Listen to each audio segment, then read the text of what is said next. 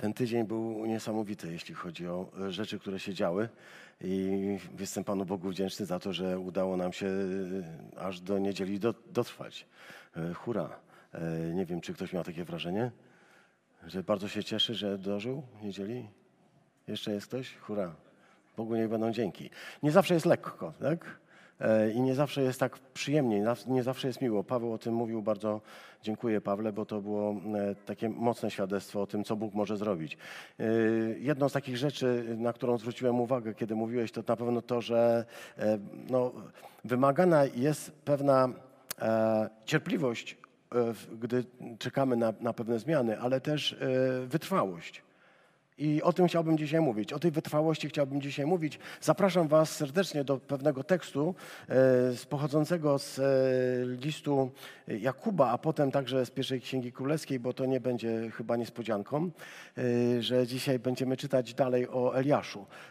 Mały obłok, wielki deszcz, taki jest tytuł dzisiejszego rozmyślania, rozważania. Jeśli tylko może się, możesz otworzyć Biblię razem ze mną na piątym rozdziale tekstu E, Jakuba, listu Jakuba, piąty rozdział, e, końcówka 16 wiersza oraz 17 i 18 uznaję dzisiaj za podstawę do tego rozważania.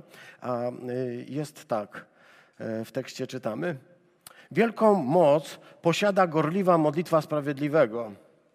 Eliasz, który był człowiekiem podobnym do nas, usilnie modlił się, aby nie padał deszcz. I przez trzy i pół roku nie było deszczu. A kiedy znowu się pomodlił, niebo zesłało deszcz i ziemia wydała swoje plony. Amen. Dziękujemy Tobie, Ojcze Wszechmogący, za Twoje słowo. Posyłasz je na suchą ziemię, jak deszcz, na nasze serca. Dzisiaj chcemy powiedzieć, pragniemy Ciebie, jesteśmy spragnieni, byś mówił do nas. Jesteśmy jak pustynia. Jeśli Ty nie skropisz jej deszczem, będziemy marnieć, będziemy usychać, ale dziękuję Ci za to, że Ty posyłasz słowo i nie wraca ono do Ciebie, dopóki nie wypełni tego, z czym je posyłasz. Dlatego dzisiaj proszę Ciebie, Panie, niech deszcz Twojego błogosławieństwa, Twojego słowa zrosi dzisiaj każde serce i sprawi, żeby tam, gdzie był tylko piasek, gdzie było tylko sucho, gdzie była tylko pustynia, Panie, aby zakwitły ogrody. Bo Ty to zapowiadałeś i to czynisz i widzimy to na naszych oczach. Dzisiaj też tak czyń, Panie. Posyłaj swój deszcz, deszcz swojego słowa, deszcz swoich błogosławieństw na nasze serca. W imię Chrystusa, Jezusa, Ojcze, prosimy Ciebie. Amen. Tekst, który zapisał Jakub, należy do tej wielkiej tradycji e, Izraela, bo Eliasz, jak mówiliśmy na samym początku tych naszych rozważań, to nie postać jednego z wielkich proroków tylko, ale to postać wyjątkowa. Eliasz e, w tradycji żydowskiej uchodzi za jednego z najważniejszych e, proroków, najważniejszą postać. Myślę, że po Abrahamie i po Mojżeszu jest bez wątpienia najważniejszą osobą e, w tej tradycji żydowskiej.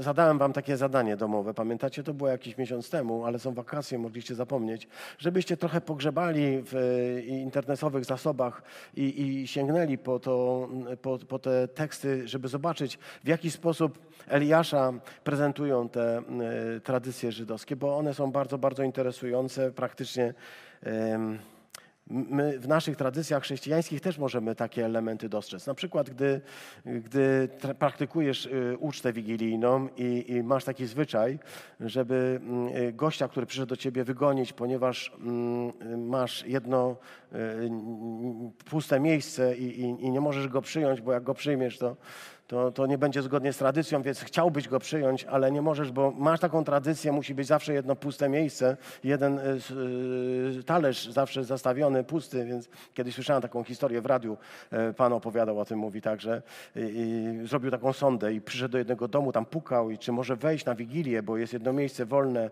a ten człowiek mu tłumaczy, wie pan, ale jak pana wpuszczę, to już nie będzie wolne, a my jesteśmy zwolennikami tradycji, więc my musimy mieć puste miejsce, więc bardzo przepraszam. No chętnie bym pana wpuścił, ale wie, wie pan, Pan sam rozumie. No, po prostu musi być jedno miejsce puste przy stole. I ja się zastanawiam, czy to miejsce puste przy stole to nie jest e, tradycja żydowska, ponieważ Żydzi przy pastrze też mają jedno miejsce puste właśnie dla Eliasza.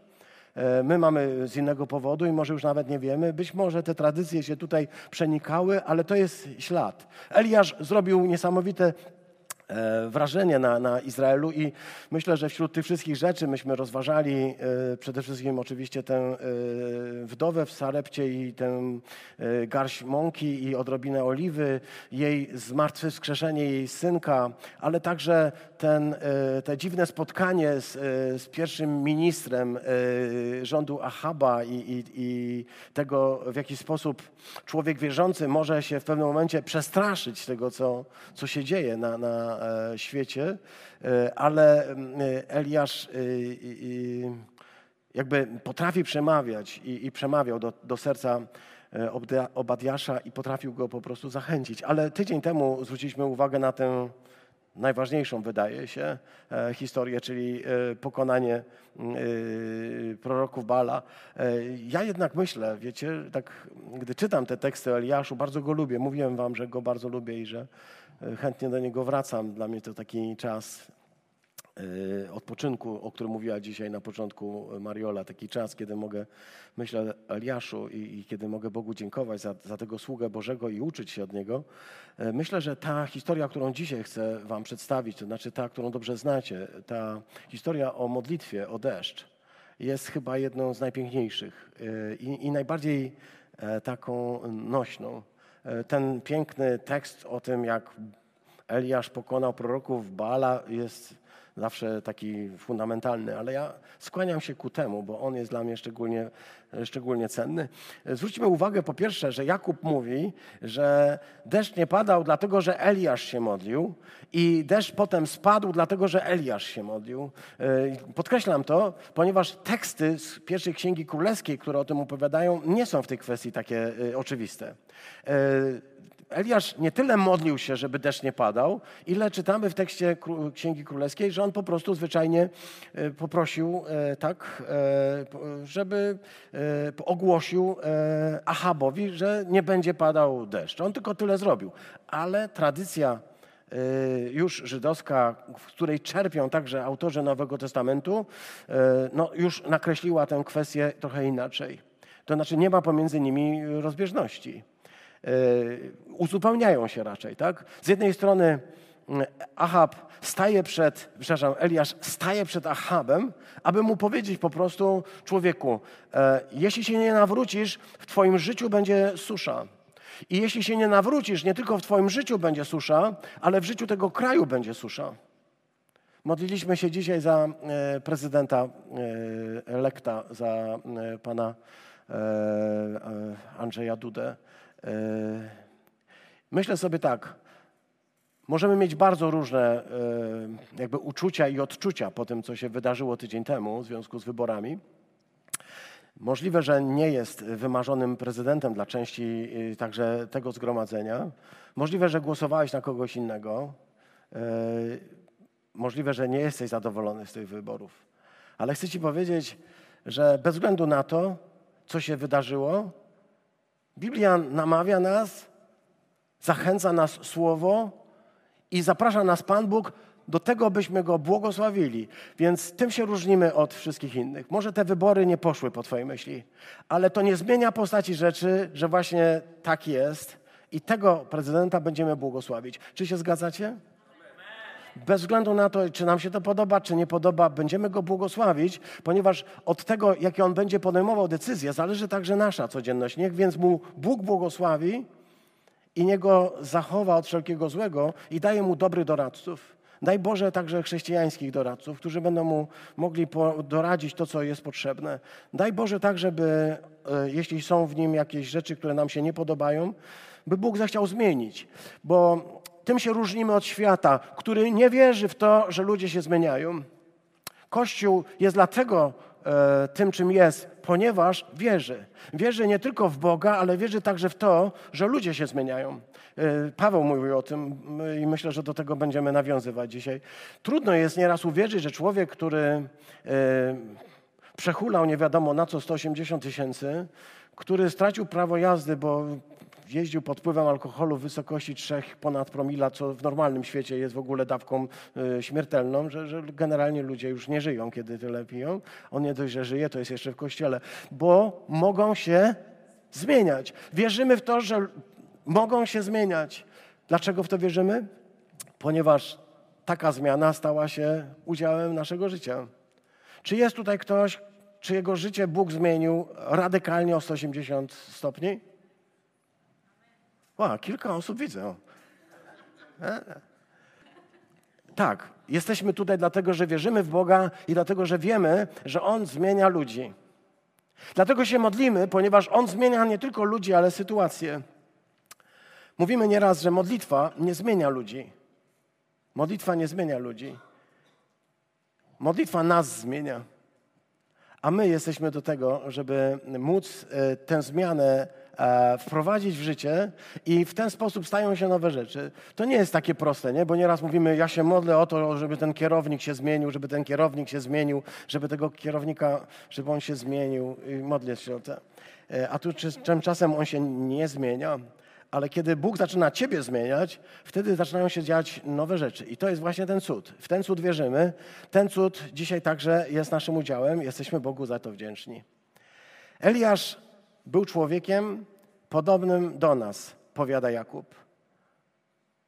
Nieraz podkreśla się w niektórych przekładach, że jest tylko człowiekiem. Yy, możemy takie przekłady znaleźć. Eliasz jest tylko człowiekiem, choć podobny do nas. Ponieważ yy, no, w tradycji żydowskiej urasta do takiej e, e, rangi, że nieraz już się zastanawiają, czy on już był człowiekiem. Nie, nie, on był tylko człowiekiem i był podobny do nas. Trzymajmy się tego, dobra? Uchwyćmy się tego, że Eliasz był człowiekiem podobnym do nas. I jednocześnie, że ten Eliasz otrzymał od Boga słowo, z którym poszedł do Ahaba i powiedział mu tak: Jeśli nie zmienisz swojego życia, w Twoim życiu będzie pustka, będzie susza, będzie pustynia, a to będzie rzutowało na życie całego kraju. Dlatego się modlimy o pana prezydenta, ponieważ wiemy, że chcemy, aby ten kraj doświadczył Bożego błogosławieństwa. Nie wiem, co było najpierw. Czy najpierw usłyszał słowo e, od Boga, że będzie susza, czy najpierw modlił się do Boga o to, żeby Bóg zaingerował. Jeśli modlił się najpierw do Boga o to, żeby Bóg zaingerował, to może modlił się właśnie tak, jak tutaj czytamy. Modlił się o to, żeby nie było deszczu. Bardzo dziwna modlitwa. Bo to nie jest modlitwa o to, y, żeby Bóg błogosławił Izraela, żeby Bóg błogosławił Achaba, żeby Bóg błogosławił wszystkich tych ludzi. Niech oni sobie żyją jak chcą, niech ich Pan Bóg błogosławi, ale to jest modlitwa bardzo, bardzo, bardzo ważna, ale bardzo dziwna, bo on się modli o to, żeby ci ludzie doświadczyli w swoim życiu suszy. Bo dopiero wtedy, kiedy człowiek doświadczy suszy, może zacząć myśleć, że coś musi się zmienić. My się nie modlimy o to, żeby ktoś doświadczył wojny, nieszczęścia, jakichś przekleństw. Nie. Pan Jezus powiedział jedno i wyraźnie dał nam do zrozumienia, że mamy modlić się o błogosławieństwo i mamy błogosławić. Mamy błogosławić także naszych nieprzyjaciół. Co nie znaczy jednak, że e, w wyniku tej modlitwy może się zdarzyć, że ktoś doświadcza jakiegoś kryzysu i jakiejś trudności. E, ponieważ nieraz, żeby mogło przyjść otrzeźwienie, nawrócenie, potrzebne są jakieś dramatyczne okoliczności i nieraz one się dzieją. Eliasz więc możliwe, że najpierw modlił się, a potem usłyszał głos, który mówił: Idź, powiedz Achabowi, będzie susza. Będzie susza i będzie tak długo, aż się nie nawrócisz. To jest to poselstwo. Idź, powiedz Achabowi, że będzie tak długo w Twoim życiu posłucha, aż się nie nawrócisz. To jest wezwanie, które Eliasz ma. A drugie jest podobne.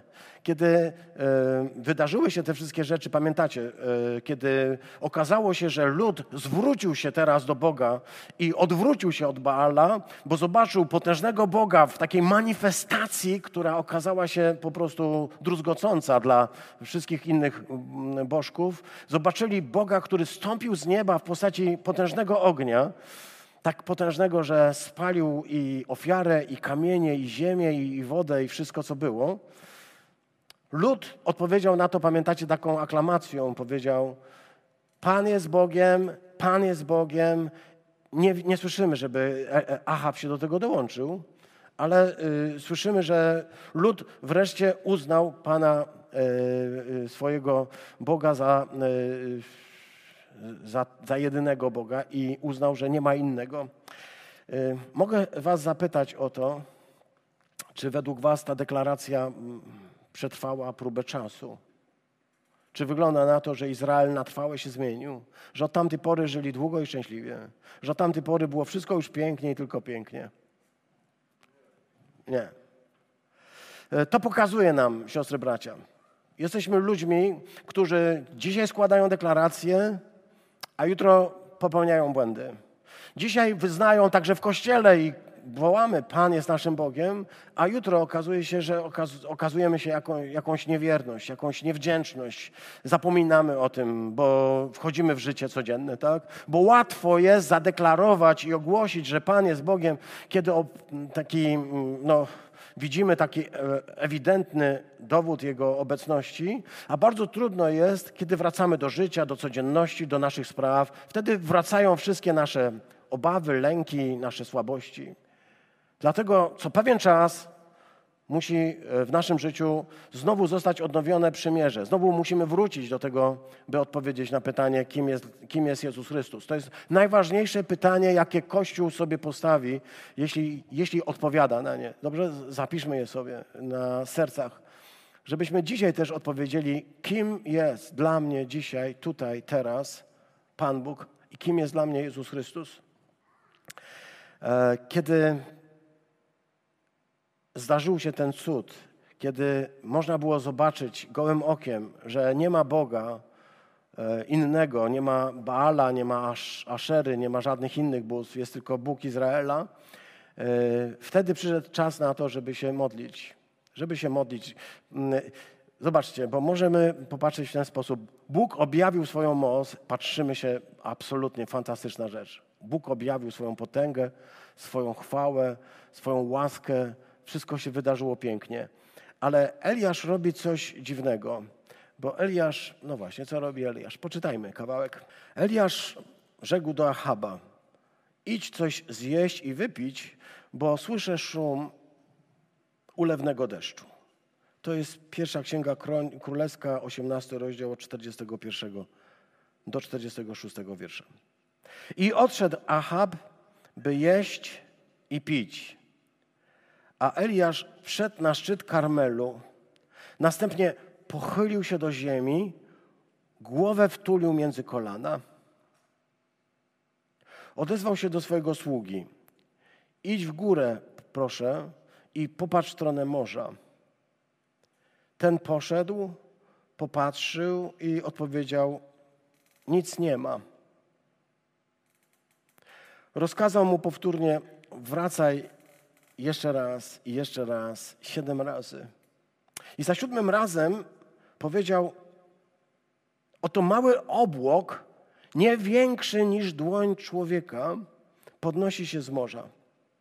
Powiedział mu Eliasz: Idź i powiedz Achabowi. Idzie dys, idzie dys.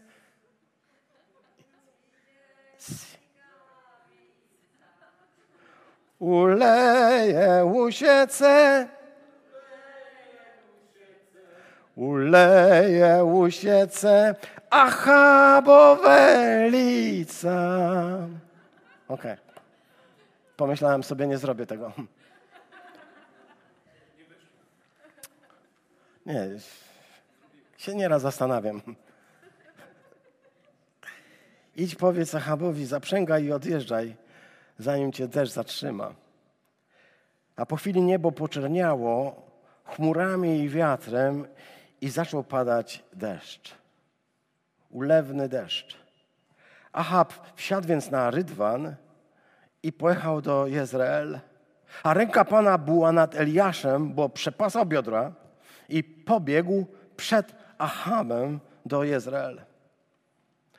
Ta historia. Powiedziałem, że yy, dla mnie jest jeszcze piękniejsza niż to, co czytaliśmy tydzień temu o tym potężnym manifestacji. Nie wiem dlaczego, nie będę się na tym zastanawiał. Chcę natomiast powiedzieć tak. Mamy tutaj kilka faktów geograficznych, wątków, które muszą być przeanalizowane. Dobrze? To tak, żeby nie było, bo jak mówimy Góra Karmel, ja wiem, że już wszyscy wiecie, że Góra Karmel jest w północnej części Izraela. Znajduje się na takim wysuniętym lekko cyplu, a właściwie sięga głębiej e, w, e, w ląd, na południowy wschód. E, To jest dość długie pasmo, mówiliśmy ponad 20 km i 6 km szerokie i ma w tak centralnej części ma szczyt, który się nazywa, zgadnijcie jak? Karmel. Bardzo dobrze.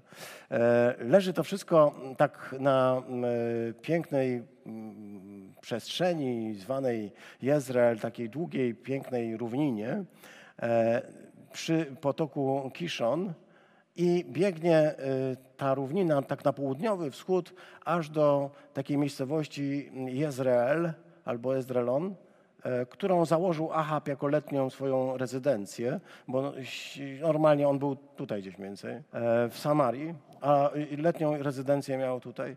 I, I, czytamy o tym, że w pewnym momencie Ahab zbiegł z góry, która miała 500 metrów, e, ma 500 metrów, jak piękna góra jest, biegł z takiej góry i wyruszył e, biegiem przed końmi e, Ahaba, przed jego rydwanami, by dobiec tutaj był wcześniej. To jeśli chodzi o y, góry i miejsca, jesteśmy w jakimś konkretnym miejscu. Dlaczego on mówi biegnij, biegnij, bo będzie padało? No bo w Izraelu jest tak, że pojawiają się te wadi, takie koryta wyschłe, i gdy zaczyna padać, to potrafi robić się nagle tak dużo deszczu, że można utonąć. Naprawdę to jest po prostu fenomenalne zjawisko, a jednocześnie ten kurz w momencie, kiedy zaczyna padać, zamienia się od razu w błoto, a, a chap jedzie rydwanem, a rydwan ma ciężkie koła i w związku z tym to już nie będzie takie proste, więc jedź, jedź szybko. To tak nakreśliliśmy tutaj kilka wątków, które myślę, że nie są może szczególnie potrzebne.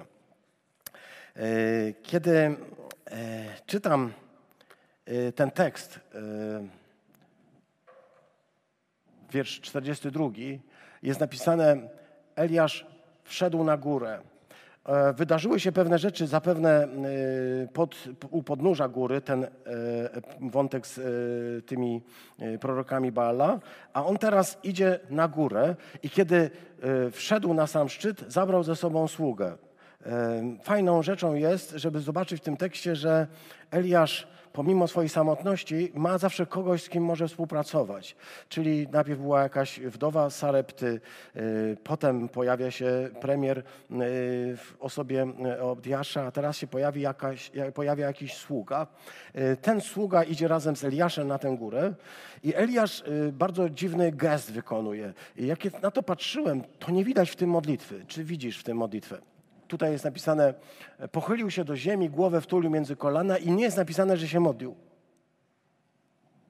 W ogóle nie jest powiedziane, że Eliasz się modlił. Eliasz wtulił głowę między kolana, y, jakby taką przyjął postawę, jakbyśmy ją określili. Spróbuj, spróbuj ją określić. Kiedy mm, wyobraź sobie, pochylił się do ziemi, wtulił głowę między kolana. Jaka to jest postawa? Uniżenia, bardzo ładnie. Załamany? Chowania się? Dziękuję bardzo, do porodu.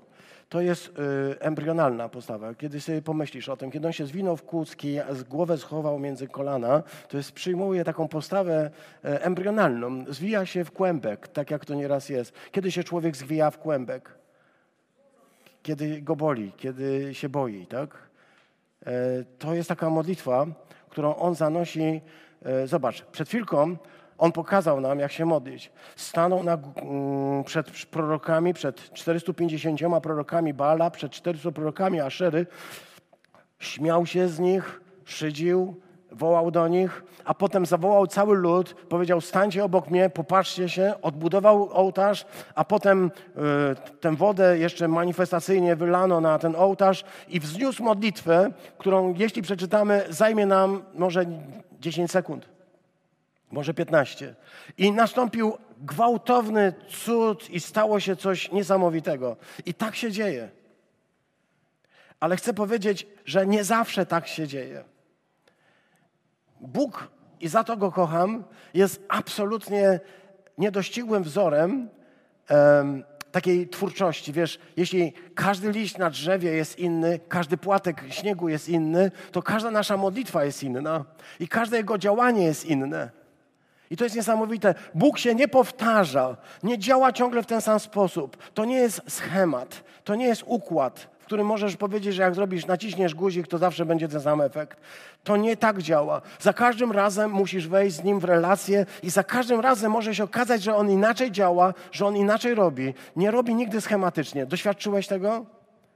Lubimy schematyczne rzeczy. Gramy i śpiewamy od wielu lat. I powiem Wam, że nieraz jest tak, że no widzimy, że jest jakieś przełamanie i, i, po prostu cały zbór się włącza w modlitwę, cały zbór się włącza w uwielbianie. Zaśpiewaliśmy jakieś pieśni, a potem istnieje taka pokusa, nie wiem, Bożenko, czy to masz? Ja taką mam, że przypomnę sobie zaraz, zaraz, jakie to były pieśni, które przełamały pewną e, taką, wiecie, grubą granicę między nami i spowodowały, że zbór zaczął śpiewać. Jest taka, taka tendencja, takie myślenie, że zaśpiewajmy to jeszcze raz, zaśpiewajmy to w takim układzie, to może to znowu zadziała. Ale chcę powiedzieć, nie zadziała.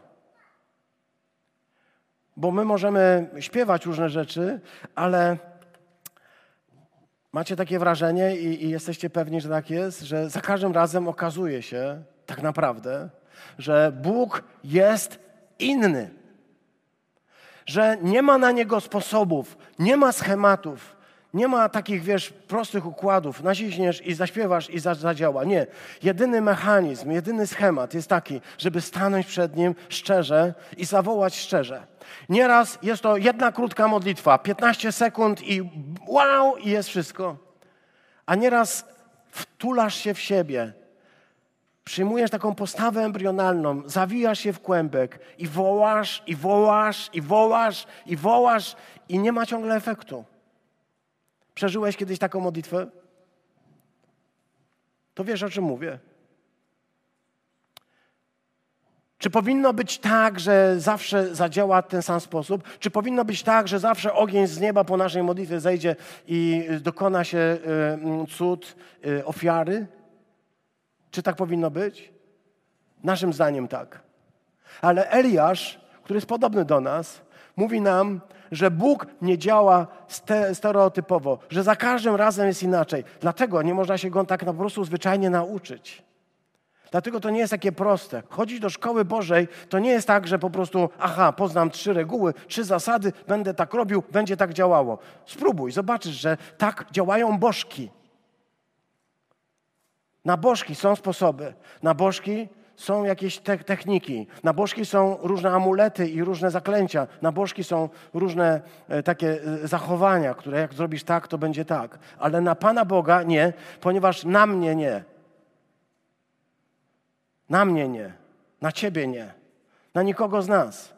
Ponieważ jesteśmy żyjącymi istotami. Nie chcemy, żebyśmy działali w schematach, tak? Żebyśmy funkcjonowali ciągle w schematach. Oczywiście funkcjonujemy w pewnych schematach, pewne zachowania y, lubimy powtarzać. Ale prawda jest taka, że jesteśmy żywymi ludźmi. Nie chcemy, żeby ktoś przychodził i paplał nam jakieś regułki. Dlatego nasze modlitwy są indywidualne, są jakby spontaniczne, są improwizowane, ponieważ nie wierzymy w to, że jak przyjdziemy do Boga i odczytamy ileś tam modlitw, odśpiewamy ileś pieśni, to On będzie zadowolony. Tak jakby ktoś przyszedł do ciebie do domu, zastukał i powiedział do ciebie tę samą regułkę za każdym razem i uciekł. Byłbyś zadowolony z takich relacji? Gdyby ktoś przychodził do ciebie i powtarzał ciągle tę samą regułkę, byłbyś zadowolony? Śpiewał tę samą piosenkę, byłbyś zadowolony i skończył i poszedł i miałbyś tyle relacji. Bóg chce wejść z tobą w relację, a do tego potrzebny jest czas. Dlatego Eliasz się zwija w kłębek. Może to jest jakiś znak odrodzenia, no, nowonarodzenia. Możesz powiedzieć, Eliasz jest nowonarodzony. Na pewno jest nowonarodzony. Ale on tak się zachowuje dziwnie. I tutaj w tym tekście nie ma w ogóle powiedziane, że on się modli. On po prostu zwinął się w kłębek i tak leży. Albo tak kuca, jak można by to powiedzieć. Ale Jakub powiedział nam, że on się modlił. I chcę wam powiedzieć, że dla mnie ta modlitwa jest najdziwniejszą rzeczą pod słońcem. Bo zobaczcie,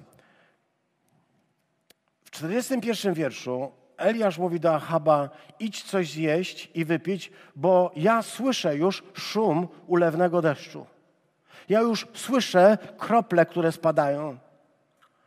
Krople, które będą padać na te skały, krople, które będą padać na tę suchą ziemię, wyschniętą jak e, e, werbel perkusisty, nie wiem jak to powiedzieć. Gładką, Każdą kroplę będzie słyszał. On mówi: Ja już słyszę, ja już słyszę e, ulewny deszcz. A potem co robi? A potem idzie się modlić o to.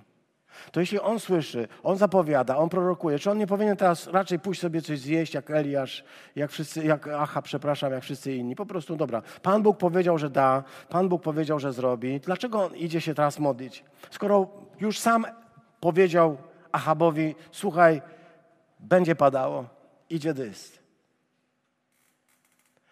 Czemu idzie się modlić? Chcę was zapytać, bo to jest ważne chyba. Czemu Kościół ma się modlić, chociaż wie, że Pan przyjdzie? Czy uważacie, że to jest yy, yy, warte tego, żeby się zastanowić? Bo myślę, myślę, że to jest coś bardzo, bardzo interesującego.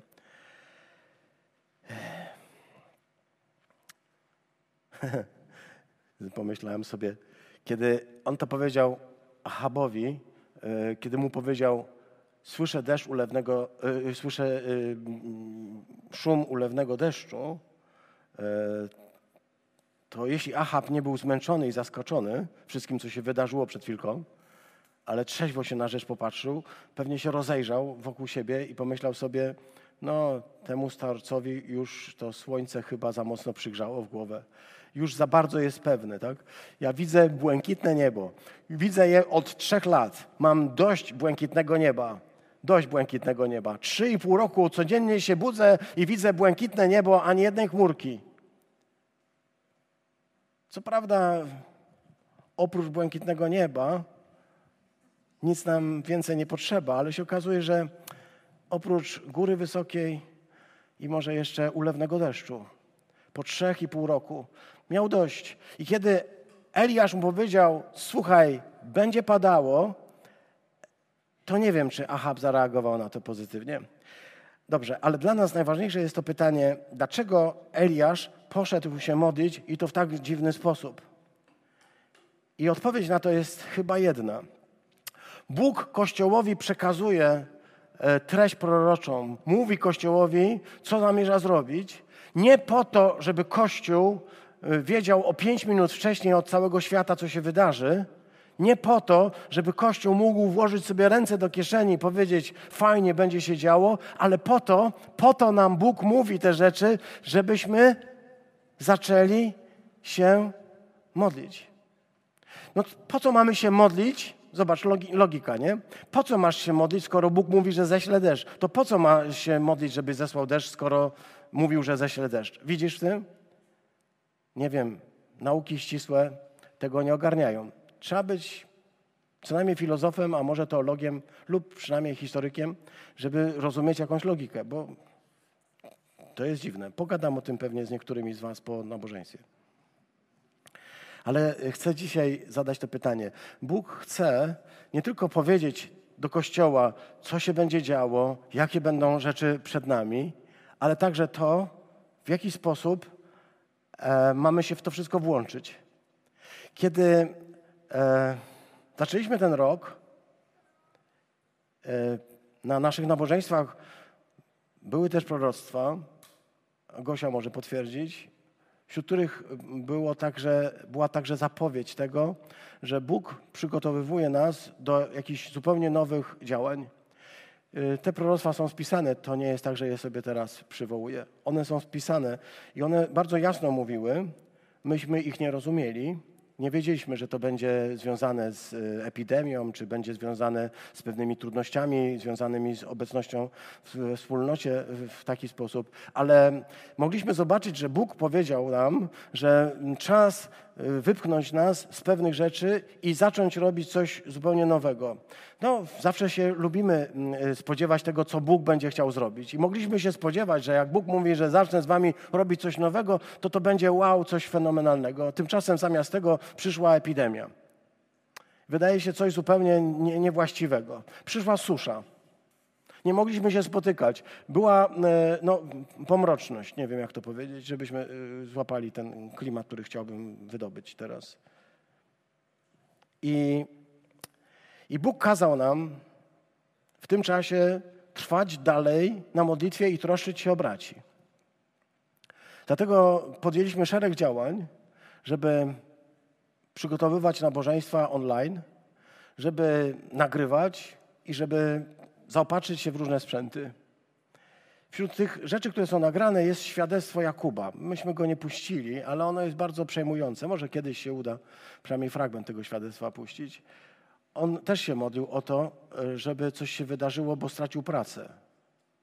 A myśmy potrzebowali człowieka, który będzie się tym obsługiwał, który będzie się tym zajmował. Zajmował się tym bardzo dobrze, ale też nauczyliśmy się wielu rzeczy.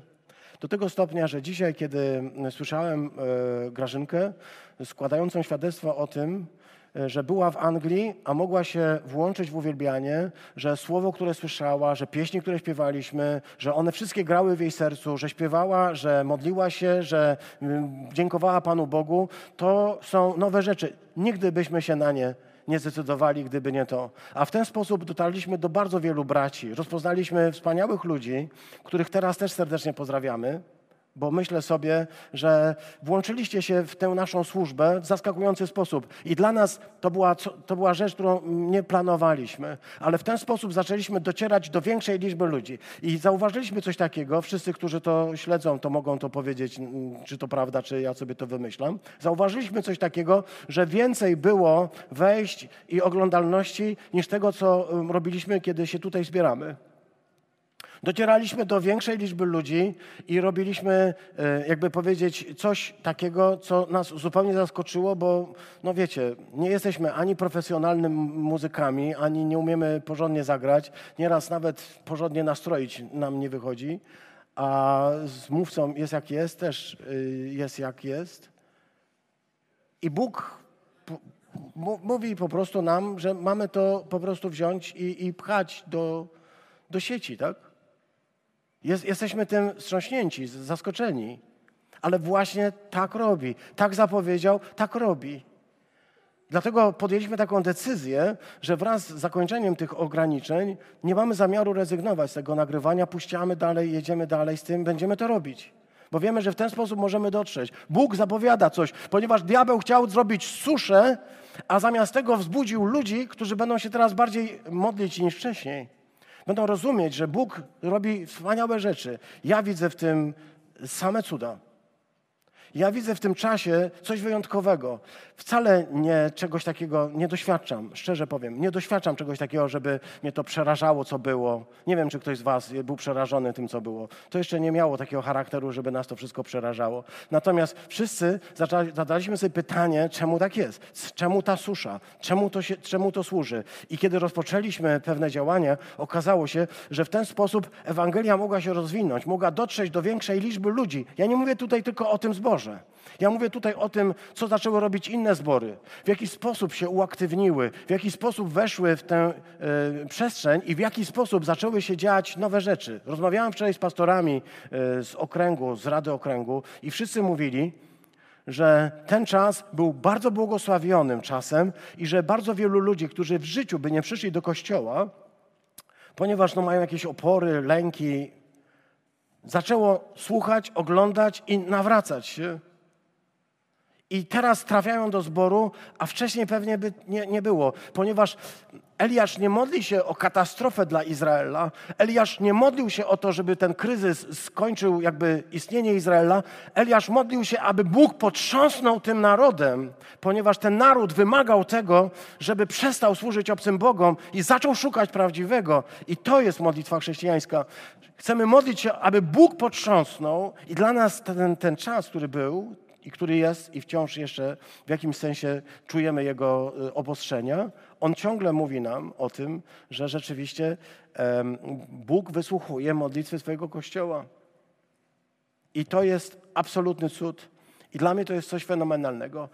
Bóg chce, aby Kościół nie tylko usłyszał, jaki Bóg ma plan, nie zawsze musi to rozumieć, nie wiedzieć jak, ale chcę, aby Kościół się włączył. Jeśli Bóg ci mówi coś do Twojej wiedzy, coś szczególnego, co chce zrobić, to nie zachęca Cię w ten sposób do lenistwa, do tego, żebyś się położył ręce, włożył w kieszeń i powiedział, wszystko gra. Kiedy Ahab popatrzył się na Eliasza i na to, co ten mówi, że tutaj idzie ulewny deszcz, a tutaj po prostu błękit nieba, to myślę, że pomyślał sobie, to jest taki chyba jedyny sposób, takie zdanie pomyślał. No, nie wydaje mnie się. Nie wydaje mnie się. Ale właśnie tym się różni Kościół od Ahaba. Widzisz błękitne niebo i słyszysz w uszach szum ulewnego deszczu. To miał Noe. Wszyscy mówili, no, y, stary człowiek zbzikował, buduje łódź na suchej ziemi. To miał Noe, kiedy zaczął budować łódź, ponieważ słyszał wyraźnie w sercu głos, który mu powiedział: Buduj łódź, bo idzie potop. To miał Abraham. Kiedy popatrzył w niebo i zobaczył mnóstwo gwiazd i usłyszał głos, który w jego sercu powiedział: Będziesz miał tylu synów, ile jest tych gwiazd na niebie. Popatrz na te gwiazdy. Będziesz miał tylu, spróbuj policzyć, tylu będziesz miał synów, co piasek na ziemi. Usłyszał taki głos. Wiesz, co mówi Biblia? Usłyszał i uwierzył, i zostało mu to poczytane za sprawiedliwość. Bo nie sztuką jest wierzyć, kiedy już widzisz. Eliasz jest dla mnie takim wzorem. Patrzy w błękitne niebo, stoi przed królem i mówi do niego: Słyszę szum ulewnego deszczu. A potem idzie się modlić. A potem modli się raz, drugi, trzeci, czwarty, piąty, szósty, siódmy, prosząc swojego sługę, by ten ciągle szedł ku górze. Sam idzie ku górze. Dla mnie to jest też, wiesz, to, to, to, to też jest bardzo piękne, że on wznosi się na sam szczyt.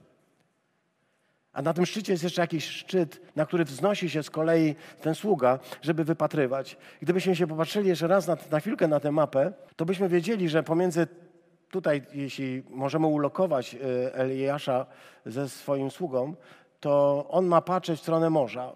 To 18 kilometrów, to jest mniej więcej taki, taki dystans. Zresztą stąd tu jest jakieś 40 kilka kilometrów. Dokładnie mniej więcej tyle, co y, odległość maratońska.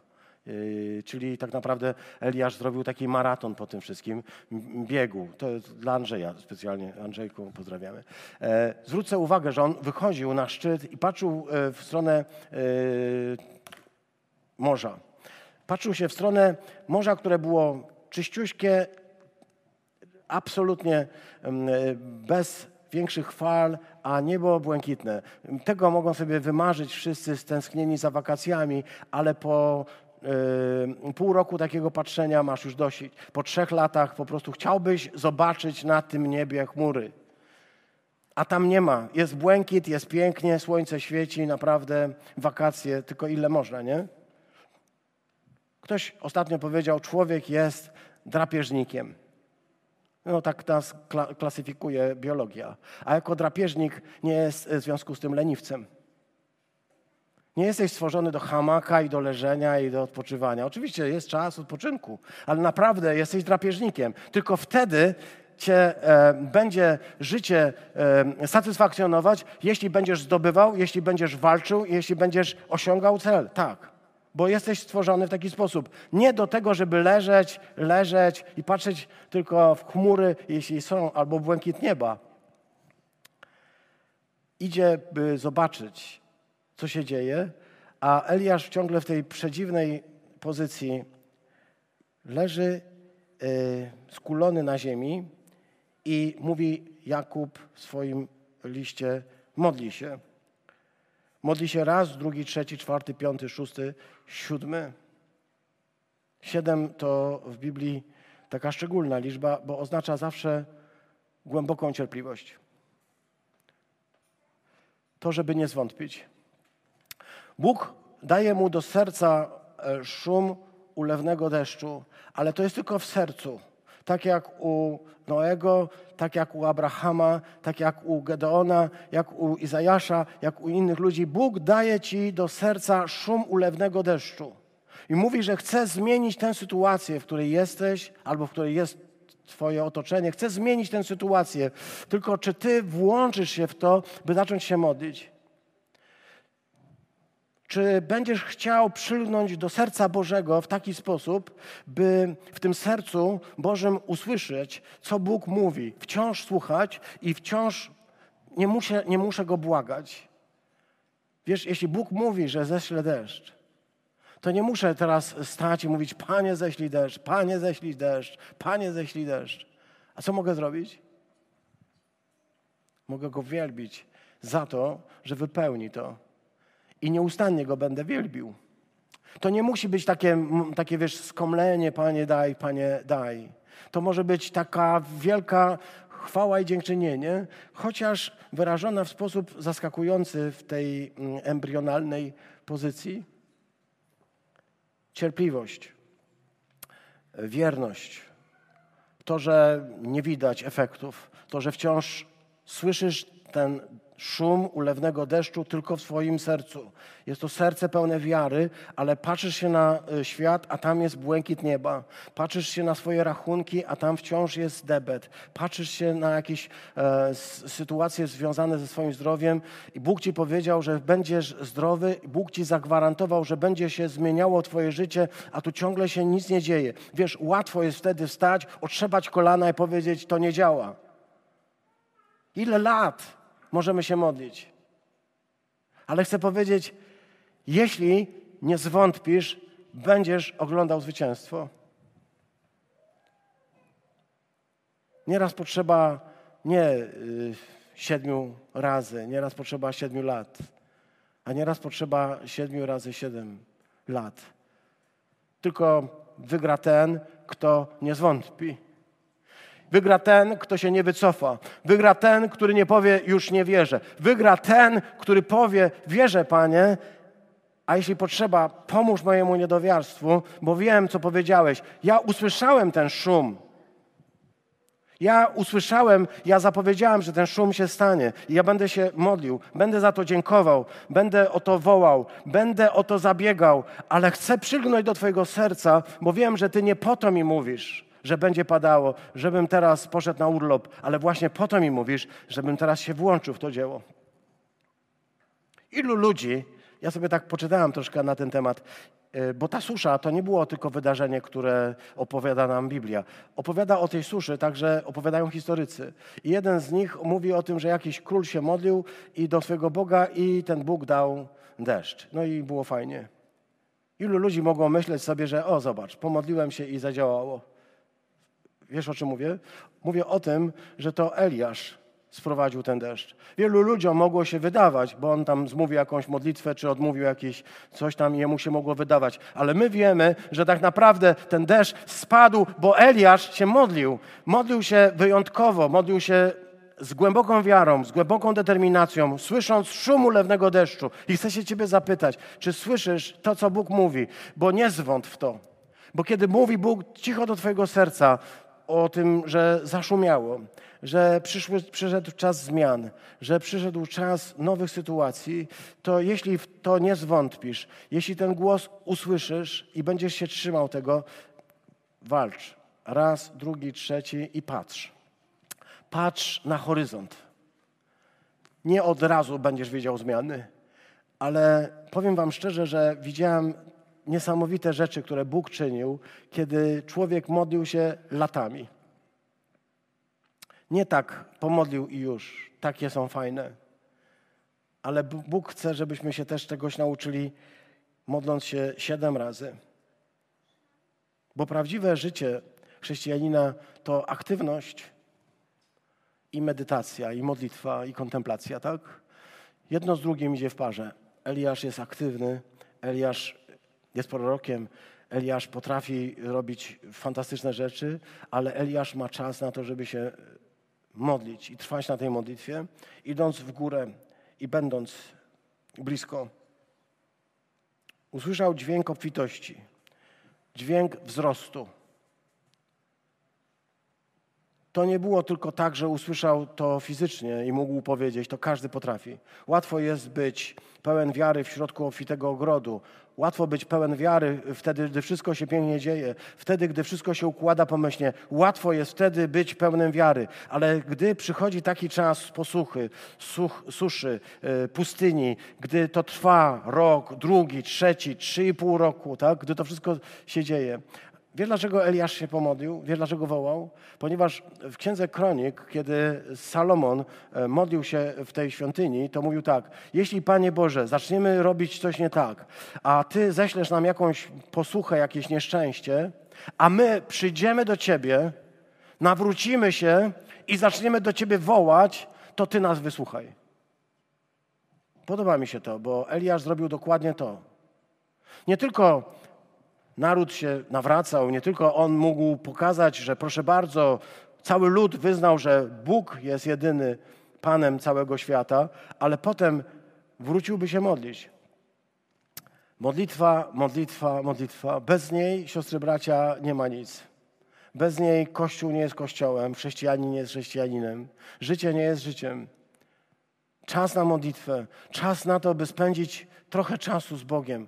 Może żmudnie, może y, wtulony, może z, y, w takiej pozycji embrionalnej, może po prostu wołający cicho, ale spędzać z nim chwilę, ponieważ ta kontemplacja, ta konieczność pojawia się jako zwycięstwo.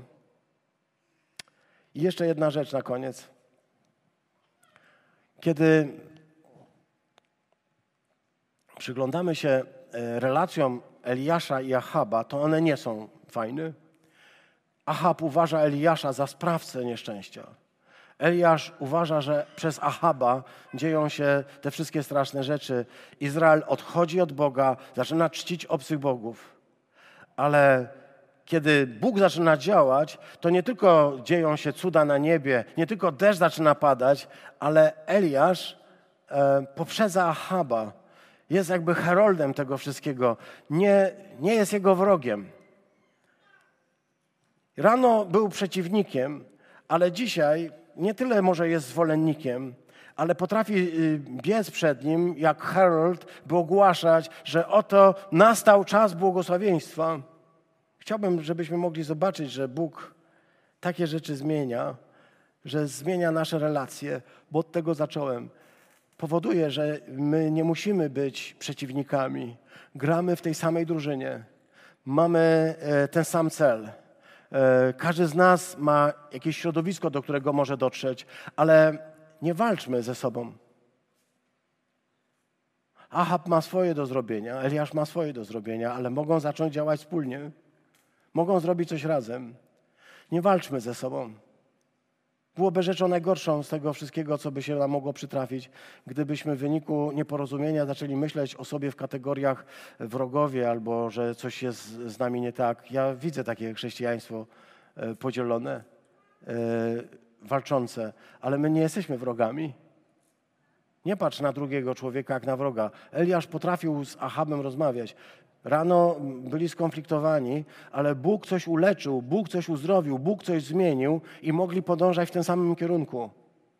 I Bóg daje siłę Eliaszowi, żeby był szybszy niż całe zaprzęgi i rumaki e, Ahaba. Bóg daje Eliaszowi taką moc takie błogosławieństwo. Bóg chce dać to Kościołowi, żebyśmy mogli zobaczyć, że ludzie, którzy z nami obok są, nie są naszymi wrogami, ale są ludźmi, do których Bóg nas posyła. I to jest ta zmiana, która się też tu dokonała. Siostry, bracia, chciałbym Was zachęcić do tego, żebyście, jak tylko możecie, w domu jeszcze popatrzyli się na ten tekst. On jest pełen odniesień, pełen głębi. Ja zawsze żałuję, że nie jestem w stanie powiedzieć tego, co czuję kiedy czytam. Słowa psują, słowa nie wystarczają.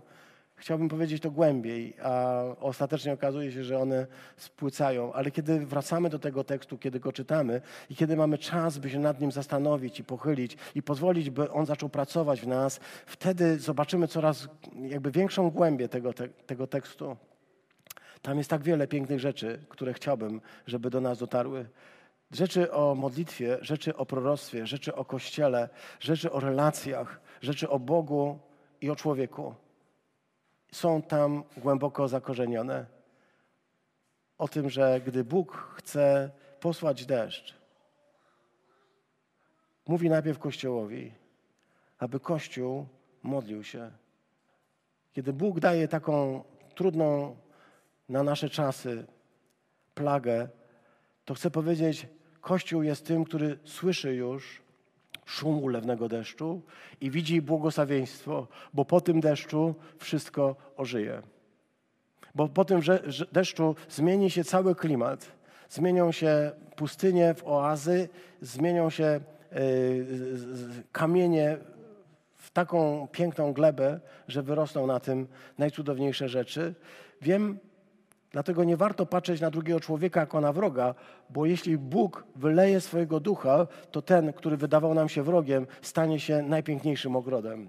Tak się patrz na drugiego człowieka. Na dzisiaj może jest jak Ahab, ale Bóg może zmienić i jego. Bogu niech będą dzięki. Amen.